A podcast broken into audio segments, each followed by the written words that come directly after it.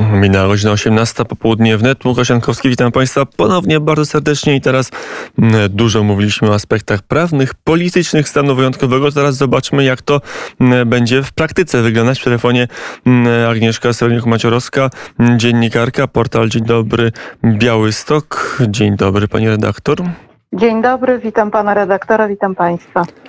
No dobrze, to jak białostoczanie, jak podlasiaki e, odnoszą się do decyzji rządu? Nie ma jeszcze kontrasygnaty prezydenta, ona jest niezbędna, aby akt wszedł w ogóle w życie, a jeszcze potem zgoda polskiego Sejmu, no ale jest kierunkowa decyzja, ona pewnie będzie utrzymana i e, część, znacząca część, istotna część Podlasia, sto kilkanaście miejscowości zostanie objętych stanem wyjątkowym. Jak się do tego odnosicie? Znaczy tak, e, jeżeli chodzi o Białystok, stolicę tutaj regionu, tak, to nas jakby mniej to dotyczy, cała ta sprawa. Najbardziej dotyczy to miejscowości, małych miejscowości przy samej granicy. E, I mieszkańcy tych e, miejscowości cieszą się z tego faktu, dlatego że przez ostatnie te dni oni właśnie, to oni właśnie prosili o to, żeby nie przyjeżdżać, nie utrudniać tam pracy, e, bo y, ci ludzie od dłuższego czasu współpracowali ze Strażą Graniczną przede wszystkim. Mm, trzeba zdawać sobie sprawę, może, może tak, dlaczego w ogóle to jest potrzebne, to może tak wyjaśnię. Dlatego, że mm, ta sytuacja, która jest związana z tym kryzysem, tak powiedzmy migracyjnym, ona trwa w województwie podlaskim już od bardzo wielu miesięcy. To nie jest tak, że to raptem w sierpniu prawda, się pojawiło mm, tutaj nam e, trochę ludzi dodatkowych, tak, tylko ten problem już jest od wielu miesięcy. I do tej pory właśnie, kiedy tam nie było, gdzie w tych niewielkich miejscowościach ludzie ze sobą się znają jeden drugiego, bo to są e, wsie e, od kilkudziesięciu do kilkunastu domów dosłownie, Ci ludzie między sobą się znają. Znają się też jakby pomiędzy tymi miejscowościami i jak tylko ktoś obcy kręcił się po okolicy, no to było wiadomo, że to jest ktoś obcy, tak? Bo nawet jeżeli są to turyści, no to turyści wyglądają dosyć w specyficzny sposób, a umówmy się, że no, obywatele Somalii czy nawet Iraku to nie wyglądają jak turyści czy rolnicy z okolicznych wsi, więc oni od razu wzbudzali zainteresowanie. I takie wszystkie osoby były zgłaszane od razu do Straży Granicznej, która podejmowała interwencję. Ale co bardzo istotne w tej sprawie, jakby wszystkie osoby obce, które się pojawiały w okolicy, jeżeli przyjeżdżały samochody na rejestracjach z województw zachodniej Polski, czasem na blachach, jak to się mówi, niemieckich, to też od razu było wiadomo, że to jest ktoś obcy i takie też e, właśnie obecności były zgłaszane do Straży Granicznej i dzięki temu udało się wyłapać całkiem dużo e, osób, które zajmowały się przemytem ludzi. Odbierali, to, to byli no, ci, którzy odbierali z granicy czy spod granicy migrantów, którzy się tutaj przedarli i wywozili ich e, dalej w Polskę, na zachód i do Niemiec, e, tudzież do innych krajów. I do tej pory to działało. W momencie, kiedy pojawiło się tych migrantów za wschodnią granicą dużo, dużo więcej, E, i tych przerzutów do Polski, czy też usiłowań przekroczeń granicy było już naprawdę dosyć dużo. Mieszkańcy poprosili, żeby wsparło wojsko i to wojsko się pojawiło dosłownie tego samego dnia. E, problem zaczął się dopiero wtedy, kiedy właśnie e, zaczęli zjeżdżać pod, do miejscowości podgranicznych czy nadgranicznych E, politycy, dziennikarze, prawda, całe grono obserwatorów, więc pojawiło się nagle bardzo dużo ludzi, którzy angażowali niepotrzebnie służby mm, państwa polskiego, zarówno Straż Graniczną, jak i Wojsko Polskie, policję. E, zaczęły się po prostu niszczenie mienia, tak, bo, bo, bo, bo wchodzono rolnikom na pola, gdzieś na posesję e, i ludzie sami wzywali policję, no bo prawda, tam ktoś, y, nie pamiętam, który to z posłów, chyba pan Sterczewski mówił, no ale jak to, że on może chodzić, prawda, wszędzie on jest poseł, on może wchodzić gdzie chce. No nie, w Polsce też obowiązuje coś takiego, czy istnieje coś takiego jak własność prywatna. No właśnie, bo to, co się działo, te wszystkie rajdy pana mm, posła Sterczewskiego i innych, no, odbywały się w dużej części na prywatnych polach czyichś. Ja rozumiem, że mm, posłowie, zwłaszcza posłowie opozycji, czują się mm, czy czasami nad ludźmi, że mają nadludzkie uprawnienia, ale jak rozumiem, tam też spadło się tego, że niszczyli zasiewy, dokładnie trawę i siano rolnika, który tam pracował i z tego żył, a aktywiści mu się zrobili koczowisko na jego, na jego polu, na jego łące. To znaczy różnie, różnie tam było, tak? Bo ja powiem w ten sposób, no jeżeli jest jakaś tam wieś, e, która ma powiedzmy, nie wiem, 20 domów, tak? E, czy coś takiego i, i ktoś mieszka tam samotnie, albo na przykład, no jest, nie wiem, matka z, z dzieckiem małym, albo jakiś staruszek, no to jak ktoś się kręci w pobliżu, nieznajomy, to jest normalne i naturalne, że ci ludzie się boją. Inną sprawą jest na przykład u mojego kolegi, który mieszka właśnie w tej strefie nadgranicznej w gminie Śródziałowo.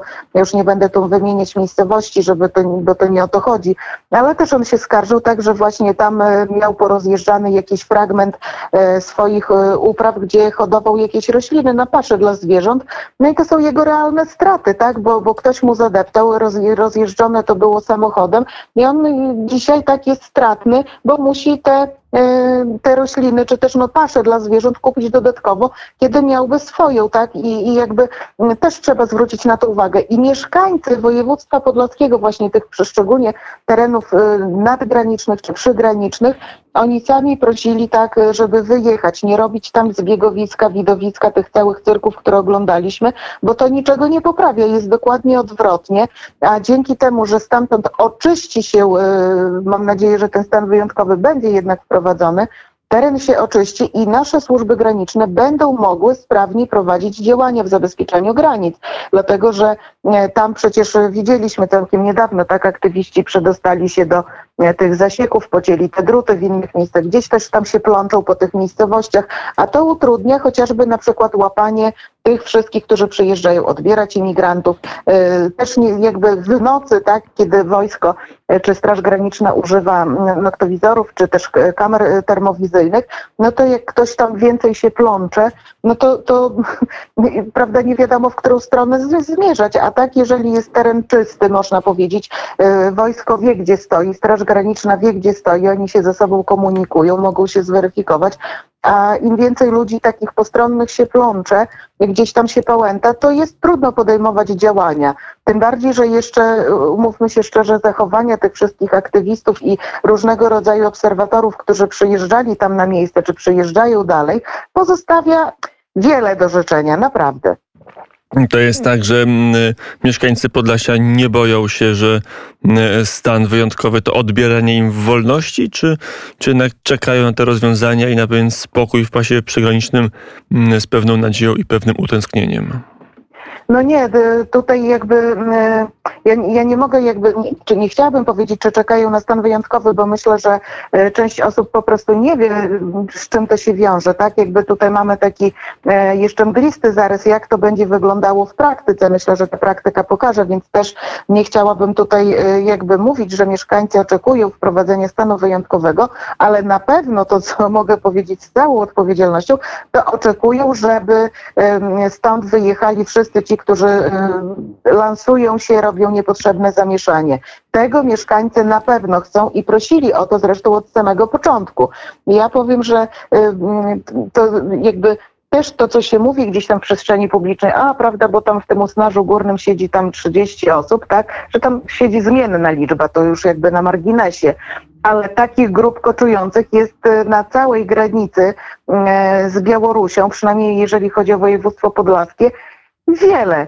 I mm, jakby mm, e, wiem też, że po drugiej stronie granicy, tak, czyli na Białorusi, do przerzutu jest już przygotowanych co najmniej kilkanaście tysięcy ludzi. Więc e, to nie jest kwestia, że, że, że jakaś tam grupka 30 osób, bo wszyscy siedzą akurat, bo mają e, pole widokowe, prawda, i pole namiotowe i obserwują tam tą garstkę ludzi, e, która, która koczuje po stronie białoruskiej, tylko takich grupek jest dużo więcej i te przerzuty, czy też nielegalne przekroczenia granicy zna, z, dokonują się e, na całej granicy. To nie jest tylko Usnaż. Usnaż jest tylko jednym punktem, który akurat no, jest wygodny, bo tam wszyscy przyjeżdżają, prawda, jak na safari na Podlasie i oglądają tutaj, no, jak to wygląda. A mm, pilnować trzeba wszystkiego i i y, tak to wygląda, dlatego ważne jest, żeby oczyścić jakby ten cały mm, taki pas, y, bo a jeszcze jedna bardzo ważna sprawa, bo też jeżeli mm, nielegalnym imigrantom udaje się przedostać przez granicę, i udaje się dotrzeć do mm, kogoś, kto ich odbierze, to oni nie są od razu wiezieni takim samochodem, powiedzmy, do granicy niemieckiej, e, czy do Warszawy, czy gdzieś, tylko przeważnie oni są podrzucani do Suwałk, do Krynek, do Sokółki, do Białego Stoku i to tutaj następny jest jakby odbierający tych e, imigrantów. Znowu A wiemy, kto to jest i jak wygląda organizacja takiego mm, przerzutu, kiedy już uda się migrantom przedrzeć przez granicę? To są ich, mm, to są ich krewni albo, albo krajanie z Iraku, z Syrii? Czy to jest jakaś grupa przestępcza nie, niezwiązana rodzinnie czy, czy narodowościowo z, z znaczy, imigrantami? Ja powiem tak, jeżeli to rozpatrywać w kategoriach przemytu ludzi, to jest to grupa przestępcza, natomiast nie są to członkowie rodzin. To jest wszystko zorganizowane jeszcze z terenu Białorusi, dlatego że y, ci nielegalni imigranci, będąc jeszcze na terenie Białorusi, oni dzwonią normalnie na telefony komórkowe, na Uber przyjeżdża, tak, z Poznania, y, z, ze Szczecina albo y, coś innego. Bardzo często są to samochody z wypożyczalni na przykład. Bardzo rzadko używa się swojego i to to są kierowcy, którzy mają za zadanie przewieźć, a y, kto to organizuje? Najprawdopodobniej mafia w, porozumieniu y, z, ze służbami y, białoruskimi, które organizują to wszystko, bo ci imigranci, oni wiedzą doskonale, gdzie oni są, w którą stronę mają iść, są kierowani, mają mapy, mają inne różne rzeczy, które pozwalają im bez żadnego problemu skomunikować się, skontaktować się z kimś, kto całe te przedsięwzięcie zorganizował. I są to obywatele, ja mówię o tych kierowcach, którzy przewożą, bo te, te, te przewożenie odbywa się etapami. Tak jak powiedziałam, że z, spod granicy odbiera auto, które dowozi do jakiejś tam miejscowości. Załóżmy, że jest to Białystok, tak? W Białymstoku przesiadają się do następnego samochodu, który ich wiezie gdzieś tam powiedzmy pod Warszawę czy do Warszawy. W Warszawie przesiadają się do kolejnego. To się w ten sposób odbywa, więc jest to taka dosyć duża, można powiedzieć, koordynacja. E, I to czasami są Polacy, ale bardzo często są to obcokrajowcy, również z krajów, z których pochodzą ci migranci, ale to są osoby typowo zajmujące się e, tym procederem. To nie są jakieś tam, prawda, bo, bo ktoś tam się zlitował albo akurat miał samochód. Nie, to jest wszystko zorganizowane, więc. E, to jeszcze ostatnie. Jest, ostatnie... jeszcze tylko do, dokończę tylko to zdanie. Właśnie bardzo ważne jest, żeby Straż Graniczna i policja mogła takie osoby złapać i e, w ten sposób, że tak powiem, dotrzeć do, jak wygląda ta cała siatka przemytnicza. Mm, to jeszcze pytanie ostatnie mm, o to, jakie pani redaktor ma informacje, mając swój punkt obserwacyjny z Białego Stoku. Mm, dobry punkt na Podlasie. Jak, jaki jest procent tych, których uda się Straży Granicznej zatrzymać albo na granicy, albo zatrzymać tuż za granicą i odwieźć do mm, ośrodka zamkniętego, a jak wiele osób y, z pani źródeł, mm, mieszkańców Podlasia w ogóle przenika i unika Straży Granicznej i gdzieś potem się odnajduje w Suwałkach, w Białymstoku albo w innym miejscu i właśnie dostaje ten samochód i jedzie dalej. E, tutaj powiem tak, ja jestem w Białymstoku, nie, nie jeździłam tam e, jakby pod granicę, właśnie dlatego, żeby nie przeszkadzać, ale mam bardzo dobre informacje, bo tam mieszkają moi przyjaciele, e, też wśród mundurowych mam najbliższych członków rodziny, od których też można się dosyć sporo dowiedzieć, zresztą oni pracują w służbach mundurowych i o ile, że tak powiem, kiedy napływ tych imigrantów był taki, można powiedzieć, zmasowany w pewnym momencie, faktycznie dosyć sporo ich potrafiło przedostać się tutaj do Polski. W tej chwili chwili, kiedy zwiększone zostały siły Straży Granicznej i wojska oraz y, kiedy pojawiła się policja, no to y, zdecydowanie więcej jest udaremnień e, przekroczenia nielegalnego granicy niż przekroczenia faktycznie dokonanego. I, i mm, nie, jakby to, co mogę powtórzyć, to co już mówiłam, że dużo w tym zasługi wszystkich postronnych osób, które gdzieś tam się plączą, tak, że do tego dochodzi. Też trzeba pamiętać, że pomagają e, funkcjonariusze wolontariusze białoruscy, którzy pomagają pokonać zasieki rozstawione, e, podają też drabiny, są też te zasieki w pewnych miejscach gdzieś tam przerywane, przecinane. E, to robią służby graniczne białoruskie e, i, i, i trzeba tego pilnować, jakby to musi być szczelne. Dobrze, że powstaje ten płot i na razie, na razie wygląda to nieźle, tak? Można powiedzieć, że e, więcej punktów e, jest po stronie polskiej, która w zdecydowany sposób e, przeciwdziała nielegalnej migracji. No ale zdarzają się jakby pojedyncze przypadki, czy też no, no pojedyncze w zasadzie, kiedy się to udaje i e, Straż Graniczna już wtedy podejmuje te czynności tak jak, no, tak jak powinna podejmować e, tutaj e, po stronie polskiej. Mm, Powiedziała Agnieszka Siewerniuk-Maciorowska, dziennikarka, portal Dzień Dobry Białystok. Dziękuję bardzo za rozmowę. Dziękuję bardzo. Do widzenia. A ja jeszcze w warstwie informacyjnej poznaliśmy, przynajmniej ja dzisiaj poznałem mm, datę, e, kiedy do polskich kin wejdzie najnowszy Bond i to jest 1 października, a mm, świat zobaczy ten film, a dokładnie świat, e, czyli Stany i Wielka Brytania, dzień wcześniej, bo 30 mm, września nie czas umierać, no time to die, ale dobrze e, tłumaczę ten tytuł.